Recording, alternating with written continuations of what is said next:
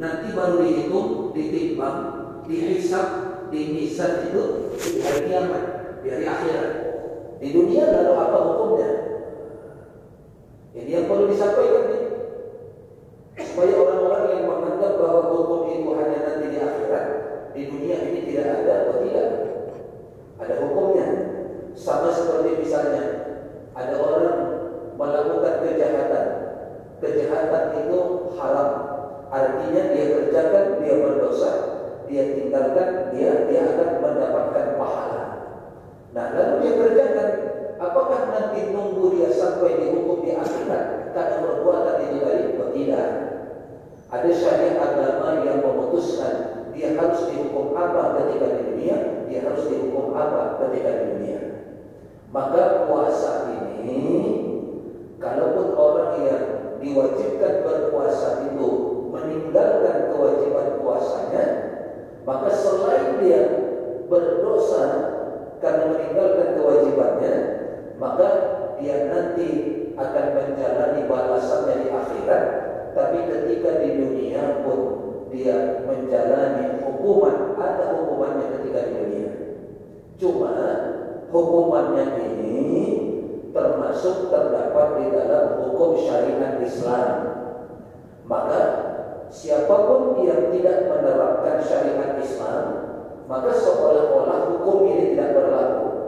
Padahal seandainya kata hukum syariat diberlakukan, maka yang bersangkutan harus merasakan berlakunya hukum tersebut.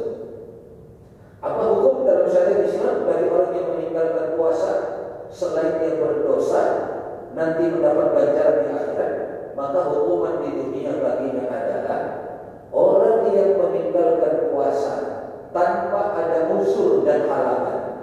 Dia tidak sakit, dia tidak katakan tidak haid, dia tidak nifas, tidak melahirkan, dia tidak usul, sudah tua renta, tidak tidak ada usul-usul halangan itu tidak ada sama dia maka dia memenuhi syarat diwajibkan puasa lalu dia tinggalkan karena malas karena tidak mau karena tidak tidak tidak taat maka yang bersangkutannya hukumnya adalah yang bersangkutan itu wajib dikurung di satu tempat khusus apakah tempat khusus itu penjara ataukah tempat khusus itu ruangan apa, rumahkah atau lain-lain sebagainya. Dia wajib dikurung di sana. Bahasa kita sekarang di musim-musim corona ini bahasanya di iso, di iso, isolasi. Maka orang yang tidak puasa itu karena tidak ada unsur halangan tadi, hukumnya dia wajib diisolasi Berarti apa? Berarti orang yang tidak puasa itu sama berbahayanya dengan virus corona. Berbahayanya corona, kenapa diisolasi? Dikhawatirkan dia akan menulari orang lain. Maka puasa ini juga begitu.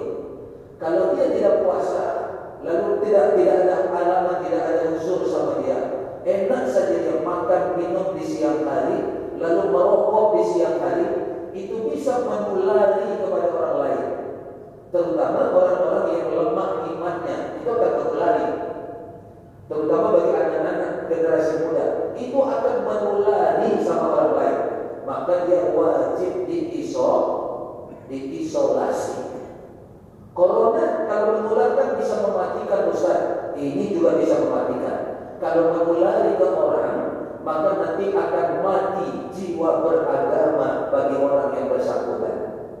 Nanti akan mati semangat patuh kepada agama pada orang tersebut. Maka dia harus jangan sampai menularkan. Makanya ganjil dan aneh. Kalau di zaman sekarang ada orang yang bilang hormatilah orang yang tidak puasa. Ini orang geblek Anaknya Wiro Sableng Bahasanya kan itu Suruh bikin sepanduk Hormatilah orang yang tidak puasa. Artinya apa? Biarkan mereka makan, biarkan mereka minum, biarkan mereka berbuat sesuatu, hormati mereka. Sepatut kita dirubah, jangan hormatilah orang yang berpuasa. Jangan. Kenapa? Orang yang berpuasa itu tidak tidak hormat. Orang yang berpuasa itu tidak butuh dihormati. Justru yang kita takut tadi, yang tidak puasa itu menjadi penular, menyebabkan matinya semangat ketaatan beribadah pada orang lain. Jadi kita yang puasa ini sebetulnya tak butuh dihormati. Cuma kita kasihan lihat orang yang tadi di depan kita makan, di depan kita minum, di depan kita masuk warung kopi, masuk rumah makan. Ada yang bilang ini kan ruang isolasi juga Ustaz. Kenapa pula rumah makan warungnya kita ditutup Ustaz? Tapi tutupnya cuma setengah saja. Ditutup dari dari pinggang sampai ke atas. Ditutup setengah. Di bawahnya nampak kaki-kaki makan minum makan minum di bawah. Nah maka dari itu Bapak dan Ibu jemaah yang dirahmati oleh Allah itu dalam bentuk syariat Islam kemudian kalau ada orang tidak puasa dia bukan karena sekedar dia nifas, dia dia dia dia sakit atau dia dalam perjalanan atau dia tua renta tidak lagi mampu puasa, bukan itu.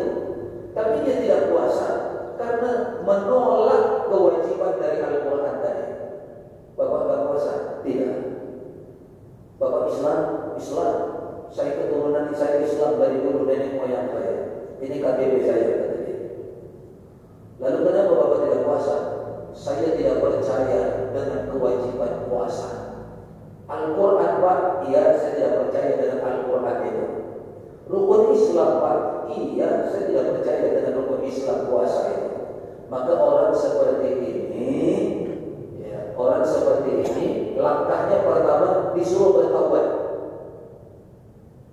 Kalau dia mau bertaubat, maka dimaafkan, kerjakan puasa. Kalau dia tidak mau bertaubat, kalau dia mau bertobat, disuruh kembali bersyahadat. Sampai begitu, suruh balik bersyahadat. Ini kan sama yang kemarin ini, 19 orang aliran sesat hakekok itu. Hakekok, akhirnya semuanya 19 orang itu insyaf, sadar, lalu disuruh bersyahadat di depan majelis ulama. Mereka mau, ya. Kalau tidak mereka akan dihukum seperti Lia Eden, Lia Aminuddin, seperti Ahmad Musaddin yang mengaku sebagai nabi-nabi palsu. Yang tidak mau, maka Ahmad Musaddin itu yang saya ingat sudah dua kali kena hukuman penjara. Lia Eden itu sudah tiga kali terkena hukuman penjara. Sementara yang lain ada yang sadar lalu bertaubat, taubatnya diterima, dia disuruh bersyahadat lagi. Ini pun begitu. Kalau ada orang Islam, tapi orang Islam, kalau yang tidak Islam tidak kita hitung. Kenapa? Kan ayatnya tadi, ya ayyuhalladzina amanu wahai orang-orang yang beriman. Yang dimaksud adalah orang-orang muslim, umat Islam. Maka umat Islam yang yang punya kewajiban tapi dia tidak percaya dengan hukum puasa itu, maka dia disuruh dulu bertaubat. Kalau dia mau bertaubat, maka dia disuruh bersyahadat. Kalau dia tidak mau, maka hakim pengadilan agama sudah boleh menjatuhkan hukuman mati kepadanya. Nah, walaupun Bapak dan Ibu, kita tidak termasuk negara atau negeri atau daerah yang menerapkan syariat Islam sepenuhnya. Maka hukum itu tidak diberlakukan. Tapi paling tidak, paling tidak dengan penjelasan hukum syariat Islam tadi, setiap orang paham begitu pentingnya mematuhi kewajiban puasa itu. Kenapa? Karena kalau tidak dipatuhi, kalau tadi bukan menolak hukumnya, dia hukumnya diisolasi, di penjara. Sementara kalau dia tolak hukumnya, maka dia disuruh bertaubat, bersyahadat kembali. Kalau tidak mau, dijatuhkan hukuman mati. Ini menggambarkan betapa kuatnya hukum wajib berpuasa itu. Tidak sekedar dikerjakan berpahala, ditinggalkan berdosa, pahala dan dosa baru nanti dihitung di akhirat. Tidak sekedar itu. Supaya semua kita tahu, umat Islam seluruhnya tahu. Apalagi ini kan kita live kan, supaya semua tahu bahwa kalau diterapkan syariat Islam itu, maka seperti itulah hukum yang ada di dalam syariat Islam kita. Nah, sampai di sini kita sudah memahami kapan puasa itu mulai diperintahkan, kemudian uh, lewat apa dalil puasa itu diwajibkan sudah kita sebutkan Al-Quran hadis Nabi kita Sallallahu Alaihi Wasallam Kemudian apa hukum ibadah puasa itu dan apa hukuman bagi orang yang meninggalkannya baik meninggalkan karena malas saja karena tidak mau atau yang meninggalkannya karena tidak mempercayai hukum dari Al-Quran itu maka sudah kita pahami maka dengan kesimpulan Bapak dan Ibu jamaah dirahmati oleh Allah kewajiban puasa itu tidak ringan walaupun di dalam puasa itu ada keringanan ada rosak apa keringanan dan rosah itu? Orang yang sakit boleh tidak puasa, tapi nanti dia ganti di luar Ramadan. Orang yang musafir dalam perjalanan diberi keringanan, boleh tidak puasa di bulan Ramadan, tapi nanti wajib dia ganti di luar bulan Ramadan. Orang yang haid, yang nifas tidak puasa, tapi nanti wajib dia ganti di hari yang lain di luar Ramadan. Tetap ada, tetap ada tuntutan seperti itu. Makanya tadi hukumnya keras. Kenapa? Enak sekali orang dia menolak hukum hukum hukum wajib puasa, lalu dia tidak diberikan jalan apa-apa dan seolah-olah tidak ada tetap hukuman sama dia tetap. Dia tetap dituntut seumur hidupnya mengganti puasa yang dia tinggalkan itu berapa banyak pun dia. Walaupun tadi sudah kita katakan, oh akhirnya dia bertaubat Ustaz. Iya, yang ditinggalkannya sebelum dia bertaubat selama beberapa hari wajib dia ganti, wajib dia ganti, wajib dia ganti. Maka di situlah nanti perbedaan bapak dan ibu.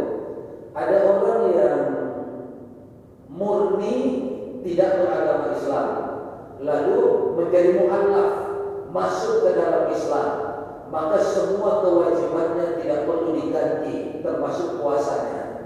Umur berapa dia masuk Islam? Misalnya umur sekian. Berapa tahun dia sudah wajib puasa? Sekian belas tahun. Masuk Islam dia, maka puasanya itu tidak perlu dia ganti. Tapi kalau ada orang Muslim kemudian murtad keluar agama, masuk ke agama lain, lalu dia masuk Islam lagi, jadi Allah lagi, maka kewajiban puasa yang dia tinggalkan selama dia murtad itu wajib digantinya. Maka jangan main-main ada kita lihat itu. Artis dan beberapa figur-figur uh, uh, publik, publik figur dan orang yang enak saja ganti-ganti agama itu hukumnya khusus puasa. Termasuk sholat dan lain-lain itu ada hukum nanti tersendiri khusus puasanya dia ganti selama dia murtad itu. Berbeda tadi, kalau dia di luar agama Islam bukan karena murtad, memang dari lahirnya dia non muslim. Kemudian umur sekian, katakan 30-an atau berapa, lalu masuk Islam. Ada puasa yang ditinggalkan yang bertahun-tahun, maka itu tidak tidak wajib dia ganti. Tidak diperintahkan dia untuk menggantinya. Tapi kalau karena murtad tadi, maka wajib dia ganti selama dia meninggalkan puasa akibat murtad itu.